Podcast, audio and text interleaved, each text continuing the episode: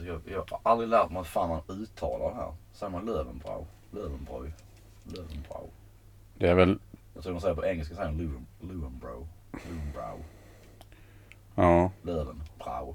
Brau. Löwenbräu. Det är så jävla mycket ä och u och skit. It could have happened to anybody, but it didn't. It happened to us.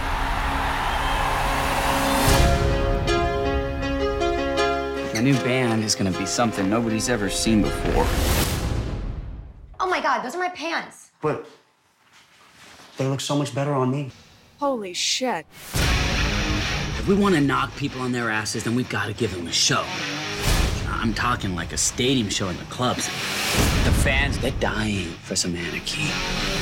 So let's give it to them.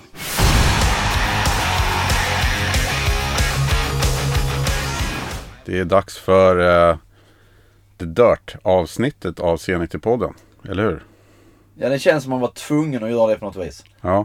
Man måste bearbeta denna film. Ja. Eh, som man liksom gått och längtat efter tycker jag ändå sådär. Eller inte längtat, det är kanske fel ord men sett fram emot Ja. på något vis. Och det har ju varit snack länge. Alltså. Ja, väldigt länge. Var det inte något snack om att så här, Rutger Hauer skulle typ ha någon roll Det är mycket möjligt. Det kan för typ tio år sedan? för övrigt en klassisk skådespelare. Ja. Fan, jag har alltid gillat Rutger Hauer alltså. Jag vet inte varför jag har lagt det på minnet men Jo men det kan säkert vara. Ingenting förvånar längre. Nej. Nej, nej men det var ju snack länge och, och, och, och den har väl gått i, i mängder av eh, instanser i Hollywood innan den hamnade hos Netflix. Den var väl hos Paramount ett tag och, och sådär. Ehm, och jag tror att nu när man har sett den, och vi kommer komma in på det, men jag tror ett problem med filmen är ju också det att den helt enkelt, tycker jag då, den kommer för sent. Det, det har hänt för mycket i, i, i mediaklimatet och allting sånt där för att den ska vara uppseendeväckande. Eh, om man tänker boken kom då 2001 eller vad det är, någonting sånt där.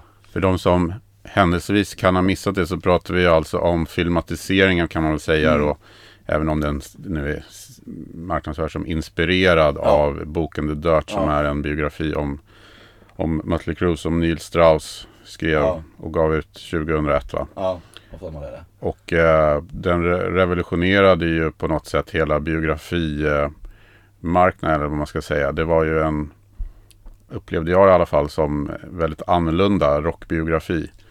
Oh ja. Som sen har fått hundratals eh, copycats, Ja. eh, efterföljare, ingen lika bra. Nej, verkligen. Eh, det, nej men det, det var nytt på så vis. Jag, jag var enormt exalterad när den kom och läste den direkt från pärm till pärm. Ehm, och som sagt som du säger också att det, det var något ny, nytt på så vis också att den var ju skitig och sunkig och visade liksom upp allt det dåliga med det här Ja. bandet också. Inte bara all framgång och sådär. Ehm, Ja, Jag läste den ju också när den kom på engelska. Jag vet inte hur det kom sig att jag liksom ens fick eh, upp ögonen för den. Men jag, jag tror att jag läste den ganska snabbt efter att den gavs ut. ja. beställde på nätet. Och eh, jag, jag tyckte att den var fantastisk. Alltså det var en historia som, som du sa som innehöll allt det här. Sex, drugs and rock'n'roll. Men det som, som jag tycker är styrkan i boken är ju den här svärtan som finns och den ärligheten. ja.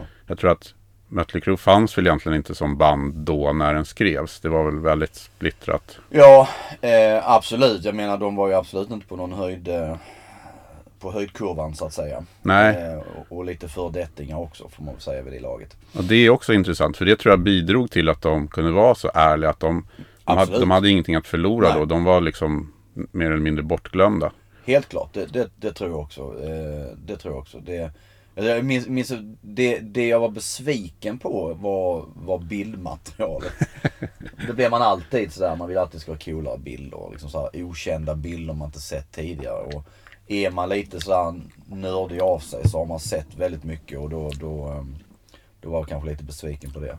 Men, eh, nej men det var det plus det här också att, att ehm, ehm, andra människor fick komma till tals och sådär och jag menar även John Corabi figurerar ju i boken och, och berättar så här. Och det, jag gillar det greppet att du på något vis faktiskt låter andra få eh, eh, säga sin version också. Inte bara de, i det här fallet fyra det handlar om. För då blir det väldigt så här riktat och vinklat från deras sätt. Och det gör jättemycket. Det, det, eh, det, det gav en, en annan dimension till det hela också. Eh, och jag tyckte Neil Strauss fick ihop det bra. Mm. Ehm, Hela boken är ju skriven i långa citat. Ja. Så han skriver ju aldrig något omdömen själv. Eller nej, så. exakt. Utan alltid, alltid någon som säger Ja. berättan, berättande text. Ja, det är det här liksom eh, orala historieskrivandet som jag tycker funkar väldigt bra många gånger.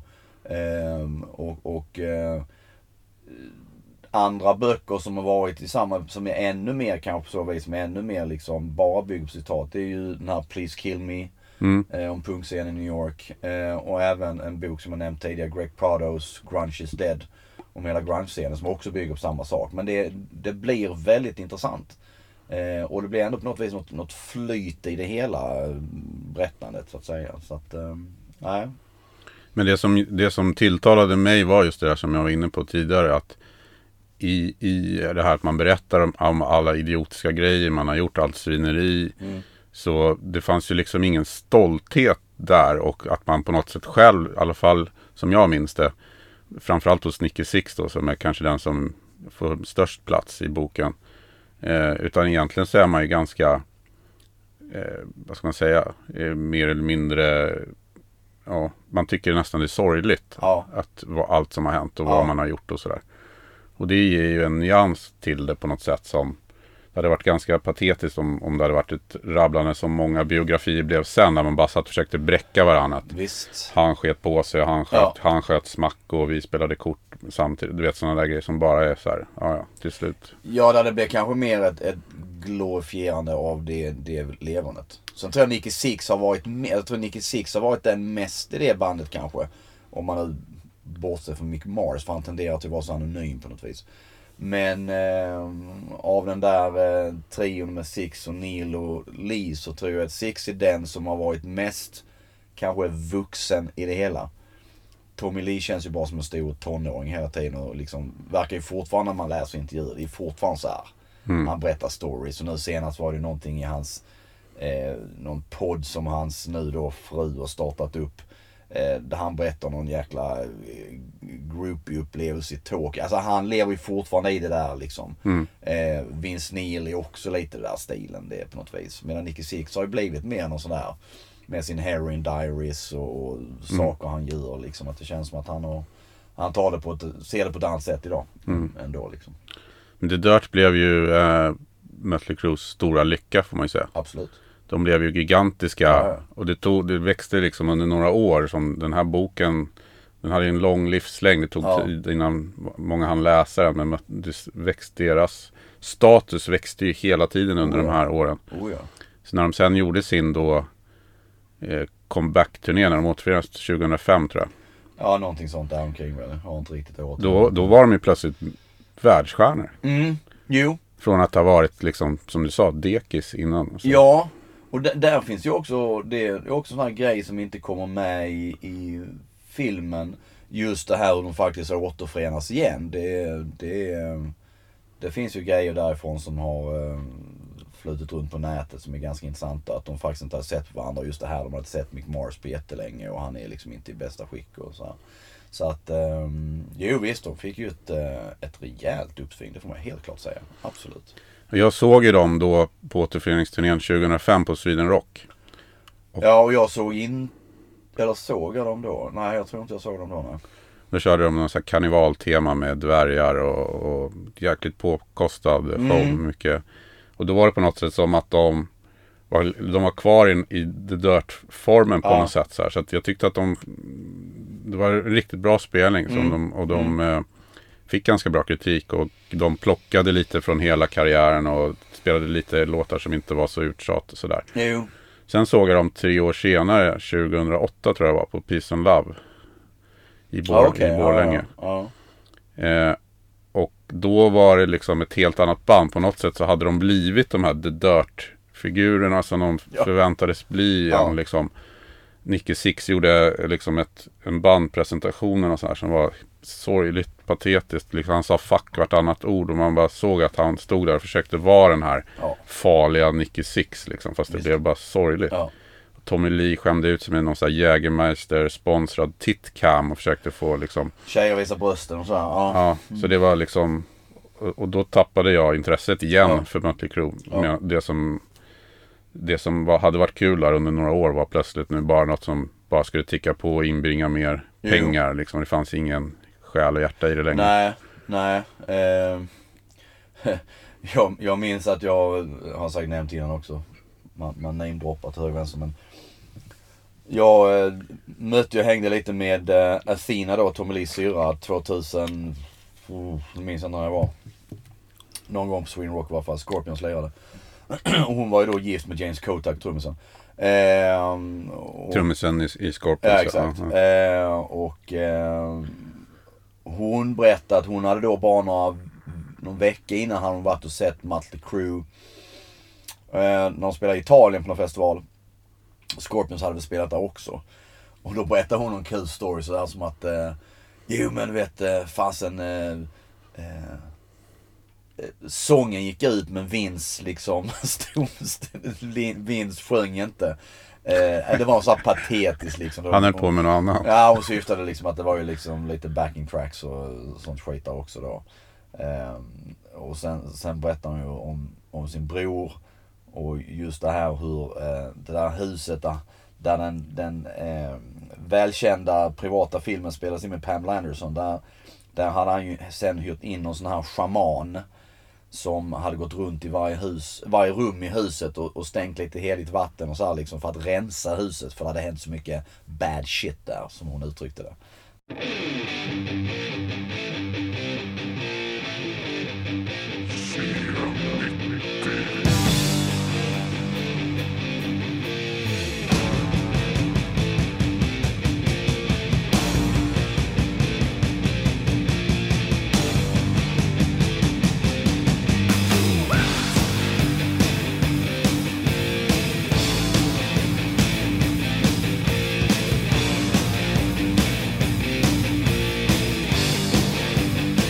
Du har sett filmen två gånger.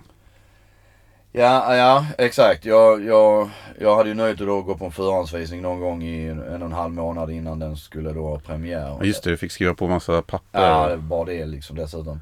Tre sidor med eh, amerikansk advokatlingo där man snabbt försöker läsa igenom vad det egentligen innebär. Eh, men jag tog faktiskt foto på det sen bara för att jag skulle ha kvar det. Eh, Det hade varit jävligt coolt om du ändå så här hade försökt så här, smuggla in en iPhone och suttit och filmat exakt, exakt. Och så stämd så det bara sjunger om det. Nej men det var jätteintressant för att eh, det var på ett skivbolag i Stockholm. Jag var den enda från någon form av media där. Jag var ju där för Sweden Rock Magazines räkning att jag skulle skriva en recension. Och eh, får då skriva, börja med att skriva på dessa papper och just som sagt man, man försöker läsa snabbt. Vad, vad, vad innebär det här nu att jag skriver på det här? Ehm, och det var väl liksom, ja men det var väl typ det där att man, man, eh, man fick inte filma och man fick inte bla bla bla och såna här grejer. Vilket kändes liksom självklart. Jag får aldrig mer säga ett ont ord om Mötley Crüe. Lite som man liksom så här, jag försökte verkligen lusläsa men jag hittade inget som var så här jättekonstigt. Ehm, Jag, jag lovar att ge recensionen högsta betyg. Exakt! Och sen var det ju, sen var det ju två människor från Netflix eh, som var på plats. Eh, eh, och eh, amerikaner då, en amerikaner och en brittiska, en, en, en ung tjej. Eh, och eh, nej, och så, så satt man där och väntade lite på att vi skulle gå in i ett rum och, och titta på den här då. Vi var kanske en 15 pers där, där alla de andra verkade vara från typ skivbolaget och lite sådana grejer. Och eh, nästan innan vi ska gå in så hör jag, hör jag den här Netflix-killen säga till en, en tjej på skivbolaget att ja nej, och sen så är det ju inga, inga recensioner förrän premiärdagen. Så jag får gå fram liksom fråga, alltså nu, nu stod jag inte riktigt så här. Får vi inte, får vi inte liksom publicera en recension förrän samma dag när premiär då 22 mars? Nej, det, det är den dealen vi har liksom på något vis kommit fram till då med Netflix. Bara, ah, så bara känner jag, ja ah, men då, vad är det för vits då? Det, då har liksom alla redan sett den samma dag ju, så att det Nej, men så var det. Så att där föll ju, så den, den kom ju inte i tidningen utan vi, vi, det blev ju sen att den fick läggas upp på nätet då den 22 på, på tidningens Facebook-sida. Så. Eh, men eh, nej men det var intressant att sitta och titta på den. Eh, det var jättekul eh, att få se en förhandsvisning på så vis med tanke på hur mycket snack det var om den. Sen var det det som fick man liksom inte då typ säga någonting. Man fick inte lägga upp någonting på sociala medier att man hade sett den eller någonting sånt där. Ehm, men eh, det var också jätteintressant för han, den här Netflix-killen börjar med att hålla något tal. Han läser direkt ut papper för då har han läst typ på alla i, vad de nu hade visat den i Berlin och London innan. Där han säger då det här med att eh, först nämna någonting om att Sverige är den eh, eh, andra eller tredje största marknaden i världen för, för Mötley Crüe. Det känner jag så här liksom att ta med en nypa salt. Um, och så säger han någonting om att det här är den farligaste filmen som Netflix någonsin har producerat eller släppt ut. Och så tänker man, ah, okej, okay, ja, ja, det, det, det låter väl bra på så vis. Eh, men sen säger han ändå precis innan vi ska börja titta någonting att ah, men den här filmen är kanske främst riktad till alla de som eh, känner igen bandet från en t-shirt. Det vill säga du är inget liksom hardcore fan som har följt bandet utan du har hört någon låt där och du känner igen loggan. Du vet kanske vem Tommy Lee är för han var tillsammans med Pamela Anderson och så. Um, och um, sen skulle han köra igång den och sen blev det något sån här spinal tap moment att eh, han fick inte igång filmen och eller och sen var det inget ljud och nej fan. Jag fick börja om. Men sen när man började titta på den så, så kände jag så här direkt inledningsvis eh, med de här klippen från 80-talet och Nancy Reagan Just Say No. Så, då fick jag en sån här vibb att nah, det här kan kanske bli någonting faktiskt. Mm. Eh, och, eh, och sen den här första scenen med eh, kidsen som springer på gatan och sen upp till den här lägenheten. Och, och sen den här speaker-rösten då liksom och så kommer de in i lägenheten och så tar det sin början där. Och där, just där kände jag liksom att verkligen som sagt att ja, men det kan kanske bli någonting. Men efterhand som filmen rullade på så det som kom upp i huvudet var eh, den här Def Leppard filmen eh, Hysteria, The Def Leppard Story som kom 2001 tror jag det var. Eh, som VH1 gjorde. Som är så jäkla trä och trist liksom. Och, och dåligt skådespel och inga, inga kändisar i den. Eh, ligger förut på YouTube om någon vill titta. Eh, men det, jag fick lite den känslan av det allt eftersom filmen rullade på. Att fruktansvärt överlag dåligt skådespel. Um, och jag minns jag satt och antecknade då på saker som jag kände liksom att fast det där stämmer inte. Um, så att när den väl var klar så kände jag bara sådär liksom att nej vad fan det, mm. det var inte särskilt kul. Nu gav jag den tror jag 4 av 10 i betyg. Eh, det var kanske till att vara lite snäll. Eh, och sen har man liksom, har jag läst att folk har kommenterat av den recensionen som då kom upp liksom. Jag tror jag fick höra bland annat att jag jag var en sån som, jag var en hipster och en sån som gillade Volbeat och fan det var. Jag tror aldrig blivit så kränkt i hela mitt liv. Ja, konstigt. Men jag blev att jag, jag, man får ju se den för att faktiskt att det är en eh, att det är en spelfilm och då tycker jag att överlag är det, det är fruktansvärt träigt och styltigt skådespel. Det är liksom inte bra. Eh, men sen tror jag också som han, han snubben sa att eh, för den breda massan som kanske inte är så insatt i Mötley Cruise story sådär så eh, tycker säkert det är kul. Det funkar ju. Ja, liksom. på så vis. Ja. Själv då? Ja, om man ska rent övergripande så eh, så blir det ju naturligtvis så i och med att jag läste The Dirt och att jag gillade den så skarpt. Mm. Och så, så, så har man ju lite den hela tiden i bakhuvudet när man, mm. liksom när man ser filmen och så.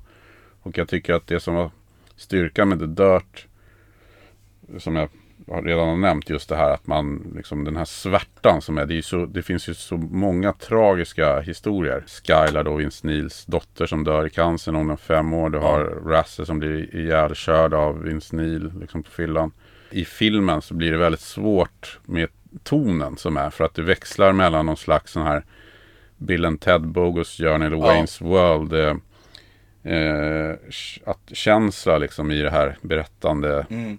Snacket där det ska vara liksom lite så här ja, och så här, eh, om du har en flickvän, se till att hon inte kommer i närheten av Mötley Crüe för hon kommer bli påsatt. Exakt, liksom. exakt. Och sen i nästa stund så ska man liksom, ska det vara en scen där man sitter och sörjer liksom ja. ett, en, ett, ett, barn. Det, det, blir enormt svårt att få det här liksom att på något sätt gå på, in, på ett trovärdigt sätt. Liksom. Ja. Det blir, väldigt tvära och konstiga kast mellan det här flåshurtiga som ska Mm. vara liksom lite lättsamt, roligt, farligt. Mm. Och sen den här enorma tragiken som ändå är liksom. Jag tror att du skulle kunna göra en, en fantastisk film av boken The Dirt. Men att det är svårt kanske att få det finansierat och alla sådana här saker. Men om man bortser från det så skulle det ju gå att göra med rätt regissör, rätt, där du kanske inte har en tanke att det här måste passa Netflix-publiken. Exakt. Utan här ska vi göra en film på det sättet som vi tycker att den ska göras. Det, det, det tror jag också absolut. Det, och jag hade väl ändå sådana förhoppningar just när det, när det liksom kom in att Jeff Tremaine var regissör. Han har ju liksom inte gjort så mycket innan men han har gjort Jackass med det Jackass-gänget och det där. Eh, och sen var det ju manuset, det är ju delvis eh, skrivet tror jag av, eh, glömmer alltid hans namn men en av, av eh, snubbarna som är bakom eh, serien Californication. Som där liksom The Dirt påminner om Californication på sätt och vis med sitt sätt att berätta och även liksom sexbitarna och alla ting sådär. Californication är ju ganska liksom rakt fram och pang på och sådär. Förutom en, en stor favoritserie för mig med David Duchovny från Arkivex.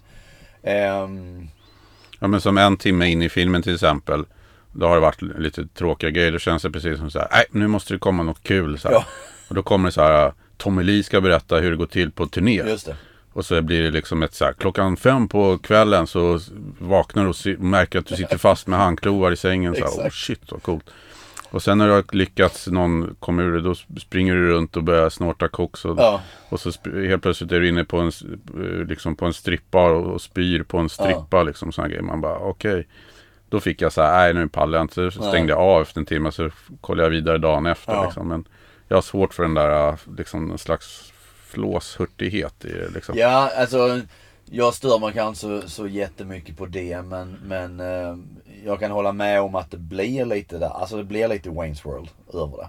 Och, och det blir lite Wayne's World just ja. Och Airheads och, Ja, eh, och just de här även äh, vet du, Rock of Ages. Det Exakt. är så här väldigt så här. Ja, det, det, och jag minns jag träffade faktiskt en, en snubbe på, en, på eh, skivmässan i Stockholm för inte så länge sedan som sa det också att eh, fan, han, då hade han bara sett trailern men just bara så fan hur svårt ska det vara att fixa bra peruker? och liksom då sa han så här, ja faktiskt jag kan hålla med. Eh, för det, det ser lite komiskt ut. Hur liksom Mick Mars ser ut som, han ser ut som typ Garth i, i Wayne's World genom hela filmen. Det, det är någonting som inte stämmer.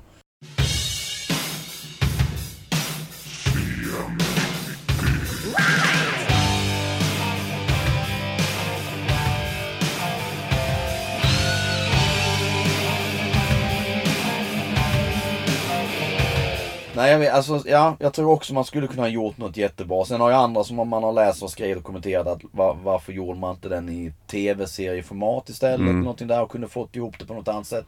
Nicky Eh. Six hade väl också sagt någon kommentar tror jag att det var. Som att det går inte att på liksom en timme 40 minuter Nej. trycka ihop. Och det är ju en sak. Det, det kan man ju förstå. Liksom. Absolut, absolut. Boken är väl ändå 500 sidor eller något sånt Ja, där. ja, ja, ja. Och ja. enormt innehållsrik. Ja visst, nej jag, jag förstår det också. Och, det, och därav också att man i filmen tar sig friheter med, med vad som egentligen hände och, och, och sådana här grejer. Men där var det också, jag minns det just där med de första scenerna eh, eh, där de är i den här lägenheten och sen så är det den här kvinnan då som får en sån här sprutorgasm. Och då känner, då känner väl också så här, okej men de har ju liksom lagt ribban då kände jag så här, men då kan det kanske vara bra, då backar man inte för någonting så här. Men sen efter det blev det ju inte mer. Och, det menar, och jag menar inte att det ska vara liksom, det ska vara så här grova sexscener, det är, inget, det är inte det. Utan jag tyckte bara att det blev ganska tamt efter det. Ehm, och jag tror jag liksom fick med i min recension också att eh, du, du kan tika, titta på vilket valfritt avsnitt av Paradise Hotel, den här Ex on the Beach. Och det, det är ju mer dekadens och, och mer liksom snusk och trams i ett sånt avsnitt som är ännu mer på riktigt. Än vad det sen blev i The Dirt. Eh, så där tycker jag liksom att det, nah, det höll inte riktigt. Det, eh, sen är det något som är, något som var kul som jag faktiskt hittade igår, apropå den här kvinnan i den där första inledande scenen. Att eh, hon gick ju under namnet Bullwinkle eh, och då läste jag här nu att eh, eh för det kom en bok förra året, eller tidigare år, med eh, en kille som heter Will Boyett som var med i Mötley Crüe de där allra första åren han hängde med dem och sådär. Och han gav ut en bok som är kanske på 90 sidor med massa foton från tidigare. år. Jag har själv inte köpt den för den var så jäkla dyr. Eh, men han lägger nu upp lite stories som inte kom med i boken och så här. Och då nämner han bland annat det här med att Tommy Lee spelar i ett band som heter Dealer. Det som oftast kommer upp i historieberättande är att han spelar i ett band som heter Sweet 19 och Nicky Six ser Tommy Lee i detta och, och sen möts de och han var impad och Tommy Lee och, och han spelar i. Eh, men Tommy Lee spelar alltså i ett band som heter Dealer och eh, i detta band finns en keyboardist och keyboardistens flickvän är då den här Bullwinkle. Och det slutar med att eh, Tommy Lee då eh, har då sex med Bullwinkle vilket gör att han i stort sett får sparken från det här bandet Dealer. Vilket ganska så snabbt i historien där leder till att han faktiskt då hamnar i Mötley Crüe. Så att Bullwinkle har en viktig del i Tommy Lees eh, eh roll i, i, i, bandet så att säga. Men, men, eh, nej men, men The Dirt det är, jag vet inte. Um. Det, bör, det, börjar ju med två, förutom den inledande scenen några i The Mötley House är det väl va? Eh, så är det ju då tillbakablickar på Nicky Six och Tommy Lees eh, tidigare ja. liv och, och hur, de sen träffas då. Men då är det bland annat så små nördiga iakttagelser man kan göra. Ja. Att det är så här 1973 kommer upp en skylt och sen är det liksom Nicky Six som får ett utbrott i sitt rum och, eh, på sin idiotiska morsa och, och bland annat så kastar iväg en Kiss första platta. Liksom, ja. som, det var konstigt att, att, han hade fått tag på den 1973. Exakt, det var en sån jäkla tidig promoplatta. Men det är ändå sådana där grejer som man förstår att det är liksom en enorm nördnivå på att 99,9% kanske av de som kollar på The Dirt kommer inte att Nej. störa sig på det. Liksom. Så, det, så det, sådana missar får man ju kanske då Ja exakt, det, det, finns ju, fler, finns ju flera sådana. Det, det, men, men, grejen med sådana missar är ändå att man tänker så här, ja men om de missar sånt ja. så har de ju missat då väldigt mycket ja. annat också. Och det tappar ju då lite trovärdighet. Det är lite som Van Halens Brown M&M's Som de hade i sin rider att absolut inga Brown M&M's fick finnas backstage. Och, fanns, och det var ju ett sätt för att kolla att hade liksom promotorn missat den detaljen så har han kanske missat andra grejer som kunde ha mer tekniska aspekter och liknande. Och det blir lite så också att man eh, det där samma, att har de, har de missat den grejen så kan de ha missat mer. Det, det har de ju, det är ju saker i filmen som, som, som inte stämmer. Eh, och vilket också blev, jag satt, jag satt och skrev anteckningar under liksom själva visningen och satt och tänkte, ah, vad fan Eh, när, när Doc McGee kommer in, eh, deras manager, så, så eh, Sen är det en rolig scen att Doc McGee är ju i det här Muttley House, den jävla lägenhet och han slår någon snubbe på käften som som är där och... och, och Bråkar med David Roth. Exakt. Och sen, sen säger de själva, jag tror det är Mick Mars figur som säger att, att det här hände aldrig. Doc McGee var aldrig här liksom. Eh, och han blir manager sen långt senare. Eh, men han, när han börjar berätta Doc McGee så säger han redan där den, den eh, sekvensen tror jag att ja men jag jag har ju varit manager för liksom då Scorpions och bla bla bla. Och sen Kiss. Man, alltså Doc McGee var manager för Kiss först 1996, återföreningsturnén. Och är deras manager än idag. Um, och ehm, um, sådana grejer och liksom att Vince Neil när han kraschar med Russell så han kraschar inte i, någon, i en Corvette. Ehm, uh, uh, det är också att i den scenen så är det att Tommy Lee träffar uh, Heather Locklear, skådisen på samma fest där de ena Vince Neil kör iväg med Russell. Det händer ju inte heller. Tydligen träffas de på en REO Speedwagon konsert backstage eller vad för någonting sånt där. Ehm, så det är så här små grejer så att jag, jag satt väl också så och skrev och nördade ner och tyckte att vissa grejer har de fått till jättebra där de har tittat på hur, hur dräkterna ser ut och den mm. första tidiga scenen de har med något trumpodium med lampor i och mm. någon backdrop som det bara står liksom Mötley Crüe på. Men sen kunde jag reta mig på att de de spelar, eh, när de spelar vad de säger i filmen är Ja detta är ert första stora gig och så har de Shout Devil kläderna på sig. Och är backstage där de är nervösa och Tommy Lee spyr och fasen det. då filmar de precis innan och då tror jag faktiskt är det The Forum i LA de filmar. Men, men Mötley Crüe, de, de, de headlinade aldrig The Forum då. Och 84 så var de liksom förband till Ozzy och allt det här. De hade inte kommit upp till den nivån ännu. Så det är också så här man känner liksom man kan reta sig. Och sen så kände jag liksom att jag tittade då på, de har fått till liksom Shout of the Devils scenbygget har de fått till ganska bra men Tommy Lees trumset, liksom hans, eh, det här podiet, det står bara, det såg inte ut sådär. Då satt jag och retade mig på det och så. Men det är som sagt, det, det, det är bara sådana som, som vi som, som ser de där grejerna. Den stora massan kommer inte bry sig ett skit om det. Det måste man ändå säga då, bortsett från det med trumpodiet, att Mm. den är ganska snygg den scenen när de kör Shout at the Devil. Absolut. För sådana grejer i filmer eller tv-serier brukar sällan bli riktigt bra. Exakt. Och där blir det faktiskt ganska... Ja, och det kan man se om man nu ska, bra. ja, om man ska nu nämna den där Def Leppard-filmen. Där har de ju absolut inte fått till det. Där ser det liksom helt galet. Det är inte någonting som de har tänkt på. Nej. Så här känner man ändå att de, och det kommer ju sen, vill jag minnas, när, när eftertexterna och det rullar. Så lägger de ju upp två bilder, så lägger man ju upp riktigt material bredvid det som var i filmen från Mm. Gjort. Killvin och så. Och där ser man att, ah, okej men här har de ju faktiskt suttit och tittat Mm. och försökt få det likt. Men sen har man missat andra grejer eller inte liksom lagt ner någon kraft på det eller var, varför det nu har blivit Ja men det är rätt briljant där i, eh, i när eftertexterna rullar och de gör de här, lägger bredvid varandra. Bland annat Nicky Six där när han är påtänd på Tommy Lees bröllop. Just det. Och de då lägger bilden på skådisen bredvid och Ja. hur han verkligen såg ut. Ja. Så att, och eh, ja men där har de ju, liksom, där är de ju där så att säga. Ja, och det, det är jättekul att se. För det är en scen, vad är det? Är det? Jo, det är när han, Tom Sutat, eh, som kommer från Electra Records och erbjuder dem ett, ett, ett, eh, ett kontrakt. Och, eh, för det tror jag också med där i slutet att eh, Nicky Six tar ju Tommy Lees huvud och dunkar i bordet eller vad det är. Mm. Och där har de klippt in också, det är ju från en intervju från eh, Tyskland ja. Monsters Ja, of Tyskland eller. Donington, Monsters of Rock där, där Mm. de sitter backstage och blir intervjuade och gör samma grej liksom. Så att, det, det är väl det hela med att ta sig friheter och sådär och för att få ihop det på något, något coolt sätt. Då. Ja.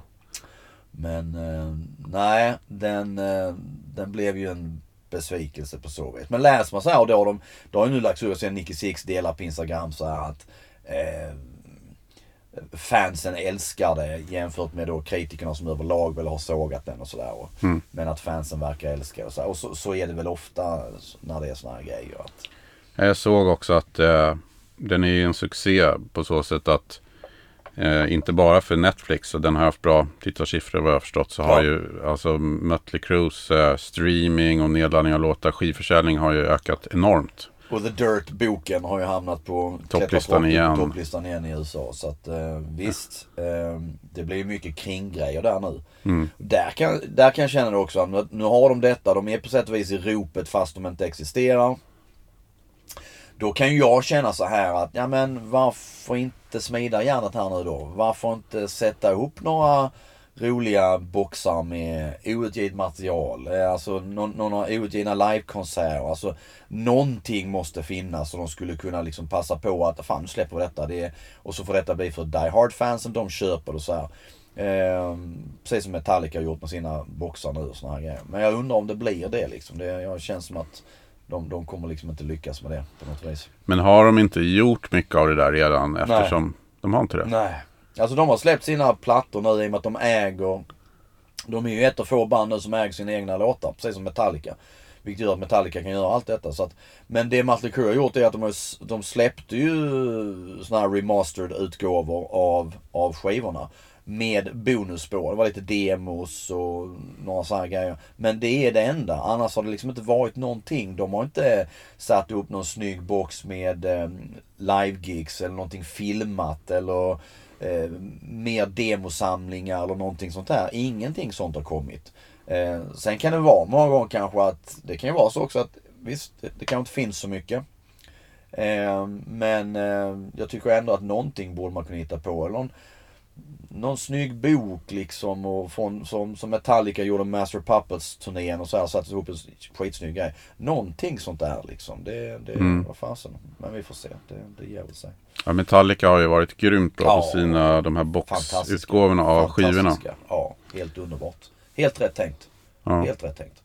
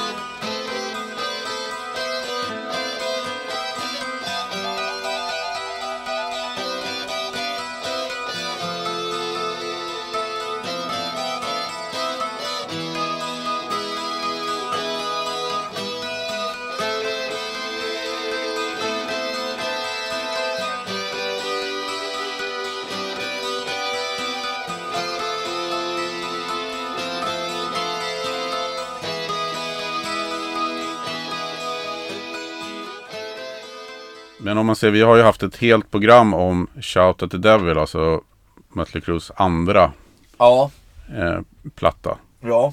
Eh, och den är väl, eh, ja, i, i filmen The Dirt så är den, ja, den är, det ges ju inte jättemycket utrymme till den kanske. Mer än att det bara konstateras att det är då de breakar liksom. Ja, lite så för filmen är det lite så att skivorna i sig tycker jag, det är ju inget som Nej, det fladdrar så- bara. Så det är ja. bara liksom, pum, helt, helt plötsligt är de där och så är de på turné och sådär. Så det, det liksom gör inga större, eller görs inga större markeringar för det i, i filmen. Nej, kanske lite där när de ska spela in Theater of Pain där när Ja. de sitter och väntar på Vince det, i... det. eh, och även eh, Dr. Feelgood kanske. Jag kanske blandar ihop det nu med. Men det, är- då är det lite från studion och... Ja exakt, jo lite sånt är det. Och sen är det där när, när de sitter och eh, det som sen leder till att John Corabi kommer med. När. Och det är klart, det löser de ju snyggt i filmen också där med Vince eh, avhopp. Att han säger, eh, han säger, eller Nicky Six säger väl you're fired. Och i samma andetag säger han I already quit eller vad det är. Så därför, då löser man det på ett snyggt sätt där liksom. Ja. Ehm, John Corabi är väl med sammanlagt två sekunder va? ja, någonting så. Med, med ett fånigt smile liksom. Ja exakt. Och så ska det vara någon, det är någon, det är någon sån här MTV-intervju ska det väl föreställa dem, där de sitter där John Corabi med. Ehm, men eh, det roliga var att jag tyckte att snubben som spelar då Razzle från Hanoi Rocks som dör i den där bilolyckan. Han tyckte jag var mer lik John Corabi än den snubben som, som spelar John Corabi i filmen. Ja. Ehm, men eh, ja nej. Men, men om man kollar på eh, Too Fast For Love då, den första plattan. Ja. Så den nämns ju knappt i filmen. Utan det är Nej. mer lite, de repar på Live Wire. Eh, Exakt och sen spelar de lite live och det blir slagsmål och grejer och, och sådär. Det är väl det. Sen så Ja. det eh. skivkontrakt och med Elektra och så här. Men vad, vad, hur ser du på den plattan? oh, alltså jag tycker den är fantastiskt bra för att jag... Det för, första gången jag ser någonting med då var, var ju okej och det är nu alltså, nu har jag kollat. Eh, det är alltså tidigt nummer 1983. Med killen från eh, E.T. på omslaget på Okej. Eh, och Master Cruise var till och med med på omslaget. Eh, och eh, jag fick bilder skickade till mig här nyligen av en av en, eh, en eh, väldigt trevlig tjej och stort Master Crew-fan. Och då kan man läsa så här att Master Crew är det senaste från, från USA. Frågan är nu, kommer de bli lika stora här liksom och sådär. Eh, och så är det, som jag tror jag nämnde i chatt också, det är en massa bilder från eh, tagna av Mark Wise, fotografen. Eh, de sitter på motorcykeln, väldigt rosa bakgrund och sådär. Och, och eh, de är någonstans liksom där då mellan Too Fast och Shout-stilen. Eh, och det är väl nog första gången där tror jag. Sen måste det varit då att någon polare köper antingen Too Fast For Love eller Shout to the Devil och, och vill lyssna på den. Ehm, men jag, jag, jag älskar Too Fast For Love. Verkligen.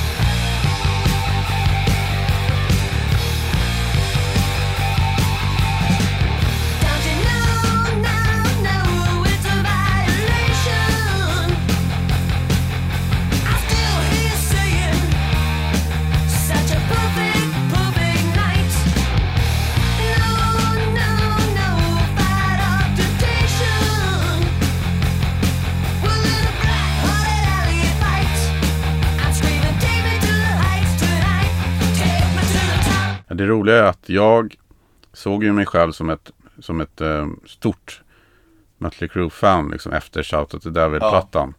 Det var ju i den vevan som jag kom in i och började lyssna på dem. Eh, och ett tag så var det väl det bandet man nämnde först som sa vilka band gillar du och Ja. sådär. Liksom. Då efter det. Eh, åt- 84, hösten 84 framförallt där och efter Monster of Rock och allt det där. Men jag hade inte hört Too Fast For Love. Första gången jag hör några låtar från den plattan är när Decade of Decadence släpps. En samlingsplatta som Jaha. kommer i början på 90-talet. Jäklar. Ingen av mina kompisar hade den Ja skivan. fasen. Och eh, jag vet inte, det, då hade jag ju Live Wire och Ja. Piece of Your Action som är Ja. på den. Och det tyckte jag, fan det var ju svinbra. Det var ju, och kände att fan jag har ju missat liksom. Ja. Det är ju jävligt konstigt. Men det är det som jag pratade om tidigare. Att man hade ju så svårt att komma åt musik på den tiden om man Oh jämför ja. med idag. Liksom. Oh ja. Att det krävdes ju liksom Eh, eller så var man helt enkelt utfattig. Ja, mycket var ju det också. Ja. Eh, men sen då, eh, det tog rätt lång tid. Under många år var ju det de enda två låtarna jag hade hört. Det Mm. tog ändå rätt lång tid innan jag till slut liksom skaffade Too Fast For Love. Okej. Och då blev jag ju lite besviken ändå, måste jag säga. Okej. För att det där var ju kanske de överlägset bästa låtarna, bästa låtarna ihop med eh, Take Me To The Top. Ja. Sen finns det två bra låtar till tycker jag om jag ska se på plattan idag. Ja. Och det är ju titelspåret Too Fast For Love och On With The Show. On with the show är jävlig. Ja. Som är en, eh, ja också, det ger ju lite extra dynamik till låten med det här med att den handlar om Nick Six och hans uppväxt och det. Exakt. Men tyvärr, båda de låtarna förstörs ju av Vince Neils. Ah, na, na, na. Du vet, han, han har ingenting att sjunga men han Nej. kan inte hålla käften. Hade Nej. han bara gjort det så hade de två låtarna varit Ja. så mycket bättre. Ja.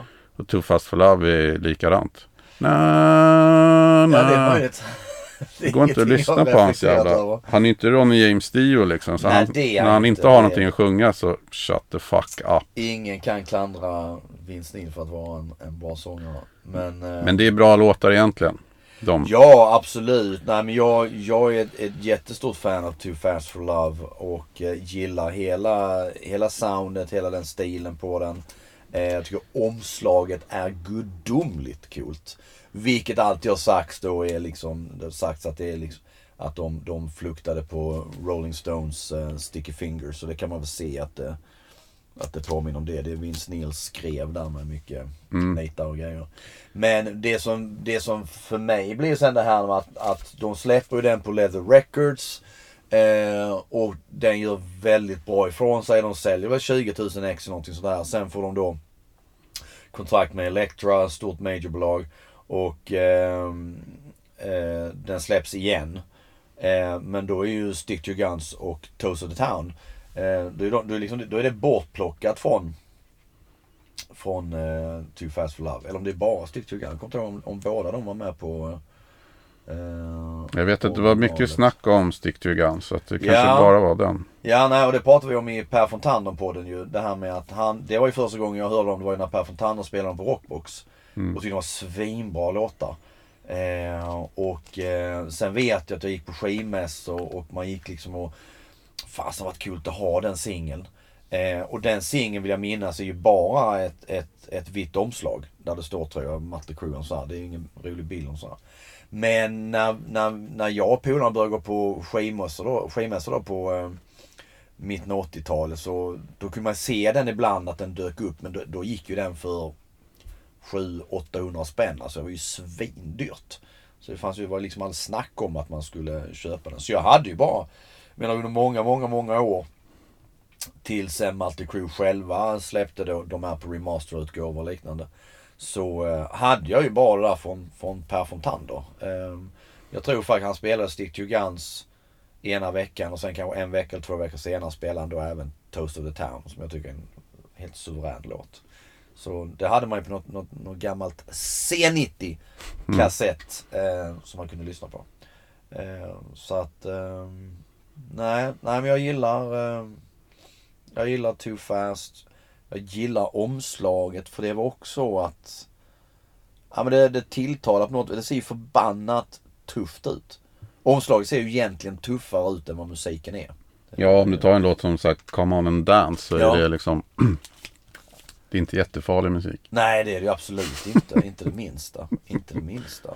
Men eh, Live Wire är en femstjärnig låt. Alltså det är ja, en snygg, snygg förbannat video bra på låt. den också. Eh, Nicky Six, eh, det brinner om hans eh, högklackade och läderbrallor med allt det här vilket de brukar köra.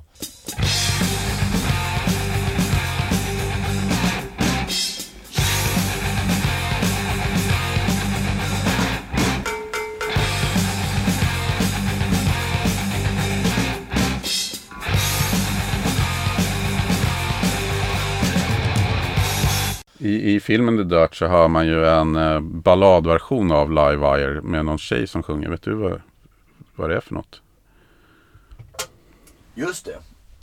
Det lät Ja, ganska bra faktiskt. Ja, det har du rätt i. Det tänkte jag faktiskt på idag. När jag... Nej, det vet jag faktiskt inte. Och det, och det slår en också vilken bra låt det är. För en riktigt Ja. bra låt blir ofta bra i olika Absolut. Det, varianter. nej, jag vet faktiskt inte. Det roliga är jag minns att jag såg... Eh, finns ju en tv som heter, tv-serie som heter Billions. Har du sett den? Nej. Jag har talas om Eh, att den ska ja, vara som bra. är, den är väldigt bra. Den första säsongen så här var väldigt bra i alla fall. Men där är ju Metallica med i någon om det är första säsongen. Och då är det någon tjej som ska eh, göra något eh, som ska öppna för Metallica eller vad fasen det är. Och han, huvudkaraktären han pratar med James Hetfield eh, backstage och sådär. Och eh, när hon ska soundchecka så kör hon en, eh, en akustisk version av Rats Round and Round. Som var också så här liksom som fick, som gav den låten en helt annan liksom dimension. Och man kände liksom att fan, fan det där lät riktigt jäkla bra alltså. Ehm, så att nej jag vet inte vem som gör det där. Det är väl någonting de har säkert gjort för, för filmen kanske för att ge någon ytterligare botten i det hela. Cause I'm alive. Cause I'm alive.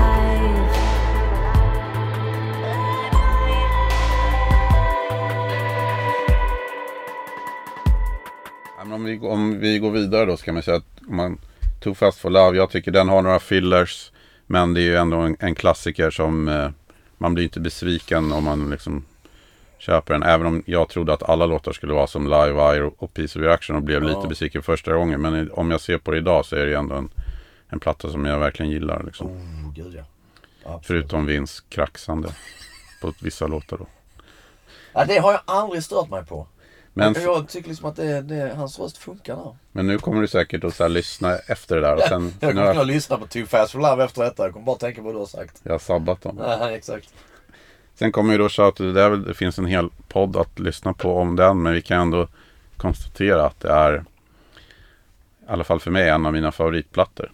Ja, eh, och också där, där de, där de väl på något vis är, om man nu ska säga det, som coolast som band. Med den där som vi har nämnt den här Road Warrior-stilen och allt det här. Och det är pentagram och det är svart och mörkt och dystert. Och någon också liksom i låtarna också någon liksom skitigare baksida av Hollywood med Knock 'em Dead Kid och Danger och Bastard och de här låtarna. Mm. Ehm, så att eh, nej den, den, den eh, det är också en, en klar favorit. Hela innerkonvolutet, elden, coola. Alltså de, de såg så förbannat coola ut.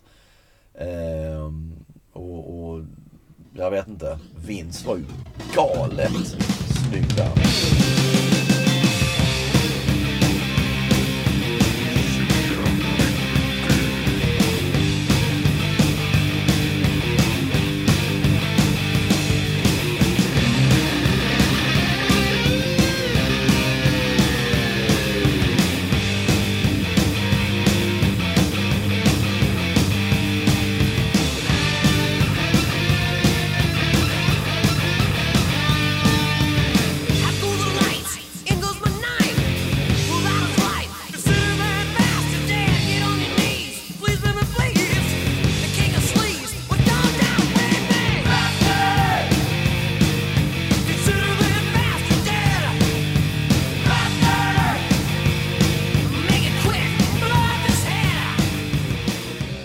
Såg ju så jäkla coola ut. Det var liksom en, jag vet inte.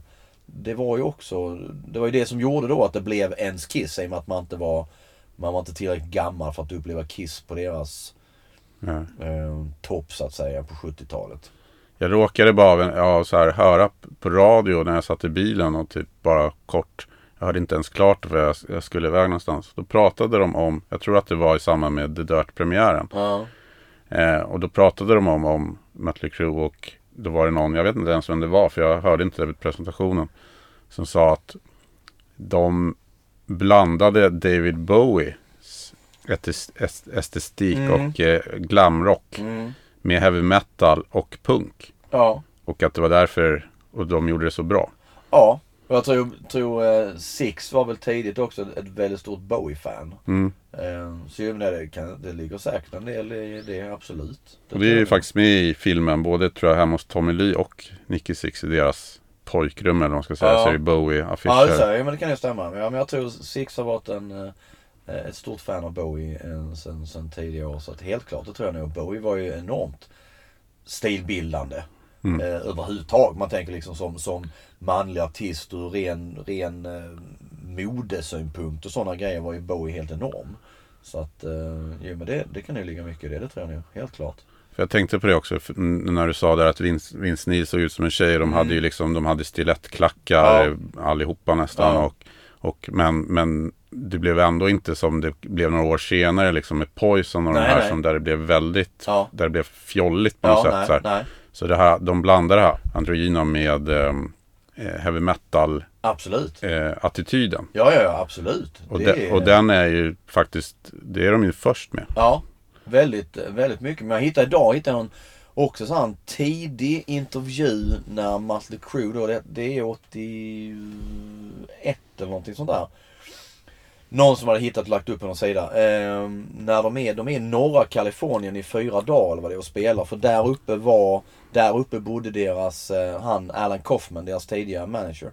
Han bodde där uppe och så var de där och spelade på några ställen så här. Och det är en intervju med, tror jag, med Nicky Six och så här. Och, men eh, då, då, pratar mycket om just, då pratas det mycket om just det här med att, jag tror Nicky Six säger så här att, ja men om, om ja men jag tror så här om fem år kommer alla se ut så här så som de gjorde 81 år, liksom, när de klädde sig. Eh, vilket han fick rätt i, så, så blev det ju senare. Eh, men att det var, och jag läste en annan också, där det var tidigt det här med Nicky Six och han spelar ju i, i bandet London och det här och eh, då var det någon som nämnde också som skrev att eh, för det hängde ju också ihop med det här med Tommy Lee Tommy Lees band Dealer och Sweet 19 och att Tommy Lee gillade Nicky Six som fasen och tyckte att ah, kan inte Nicky Six vara basist nu i vad det nu var Sweet 19 eller Dealer.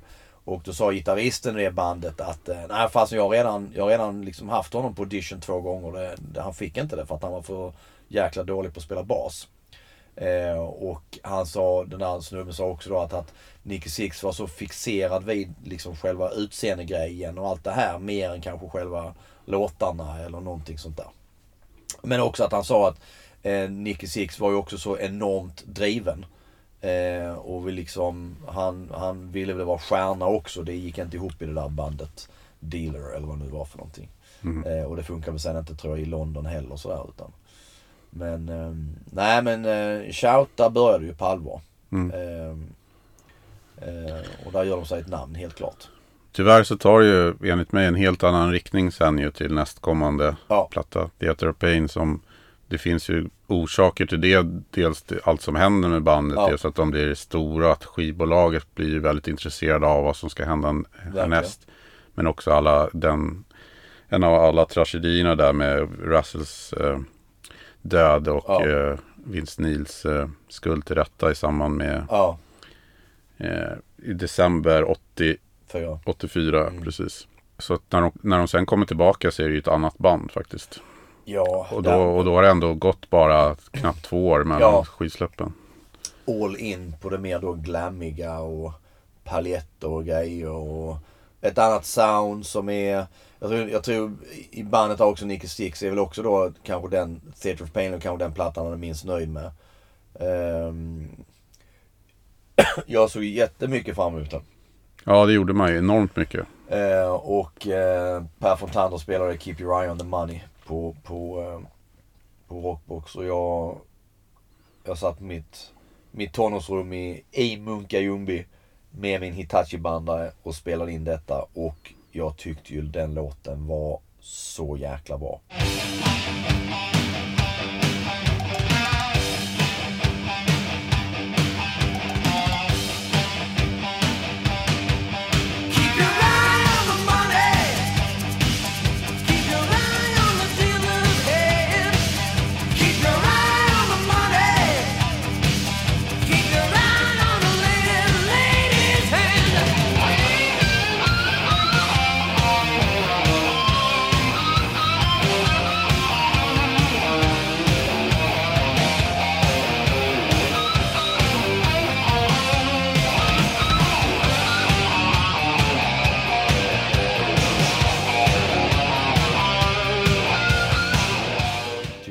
Fortfarande är bra. Eh, idag. Men eh, sen var det ju många andra låtar på den plattan som inte håller måttet. Som är faktiskt ganska så dåliga. Eh, snyggt omslag med det här med maskerna och sen är det väldigt rosa och sådär liksom. Um, men det blev liksom, där känner jag att det är en platta där de inte riktigt då eh, De har inte materialet eh, och där är en del spår som då nämner ju shoutpodden också väl att det är en del grejer som är överblivet sen Sen eh, Shout to the Devil-tiden eh, som man gör om lite, som Louder than Hell och sådär. Eh, men där är det verkligen tycker jag så här, att där, där är det ju liksom Där är det ju verkligen första gången låtar som inte håller måttet. Det är ganska blekt. Det samtidigt får de... sk- skrattretande dåligt på slutet. Alltså, Ja, De sista låtarna där. eh, Fight for your rights ja och har eh, Use, use Raise, it or lose it vad den heter. Och, your hands to rock som låter som en så här en dålig eh, kopia på I wanna rock med Ja. Twisted Sister. Alltså, det, är- och, det- och det är ju, eh, vi kan återigen knyta an till filmen där. Det är ju någonstans när eh, i filmen när Vince Neil pratar med Dog McKeeva om eh, skivan. ja, Han har ju tatuerat, eh, Entertainment or Death. ja, som Ja. var den först tänkta titeln Ja, på Theatre of Pain. Dog McKee då. Och Vince Neil säger att den är ändra men de pratar om innehåll och han, och han säger att det är bara två bra låtar. ja, Vince Neil och eh, de han syftar till är ju då Home Sweet Home balladen som blev en mega MTV-hit som är överbliven från Shout the Devil om jag ja tydligen. vet tydligen. rätt. Ja. Eh, och eh, en cover då, eh, Smoking in the Boys Room som är första Brownsville Station, ja. ja, singeln. Och det är, det är ju ganska tydligt att om du släpper en cover så har det varit liksom något problem med att få fram nya låtar Absolut. som första singel.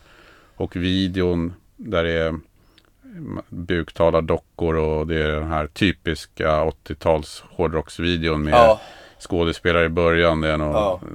någon kille som är på väg till skolan och en hund tar hans... Ja, ju- ja just det, det var så länge sedan jag såg den så att det, ja. I swear my, a dog run off with it. Just det, just det. Vilket det faktiskt är lite kul. Eh. Men det visar ju då helt plötsligt att Mötley, Mötley Crüe går från liksom Shout at the Devil stilen till att bli ett MTV-anpassat band där skivbolaget eh, verkar styra väldigt mycket.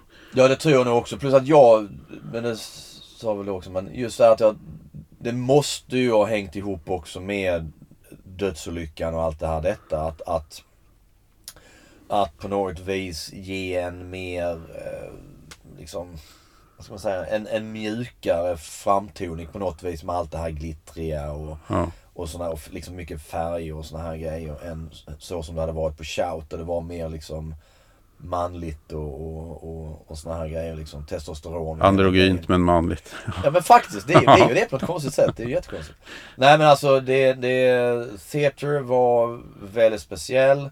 Eh, Jag tror också att Nicky Six dåliga form, alltså att han är Ja. väl, han faller ju djupt ner i Ja. eh, drogmissbruk Ja. där under den perioden. absolut. Att det bidrar också till att han kanske inte då har den kraften som han kanske hade haft om han varit i bättre form. Visst. Och konstnärligt vilja göra någonting eh, som han kanske kände för. Nej, absolut. Jag absolut. tror inte riktigt att Theater of Pain var vad han ville göra egentligen. Nej, och det har man ju förstått under alla år också hur, alltså alla låtar i Mötley Crüe, det, jag menar det är ju Nicky Six. Mm. Det är, alltså har Vince Neil, man undrar bara liksom, har Vince Neil någonsin bidragit med någonting liksom? De har väl cred på några låtar liksom, men det är väl ytterst sparsamt. Liksom. Ja. Men just of Pain, alltså jag, jag, ehm, jag får ju nöjet att se dem första gången, Olympen i Lund.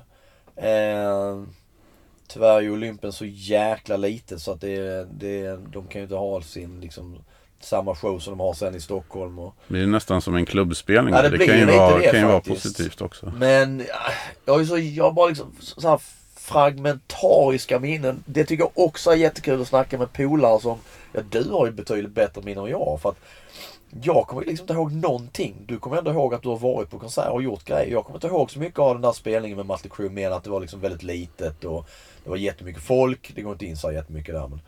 Och att det var fantastiskt bra. Jag var ju, jag var ju fullständigt lyrisk över detta att få se mm, liksom mitt favoritband då. Eh, långt, långt senare eh, så fick jag ju ett bootleg från en eh, polare. 25 februari var det 1986. Ehm, där de faktiskt kör då. De kör ju Use it or lose it. Ja. De kör Fight for your right. Home Sweet Home. Keep Your Eye On The Money. Smoking in the Boys Room. Och avslutar då med, med Jailhouse Rock.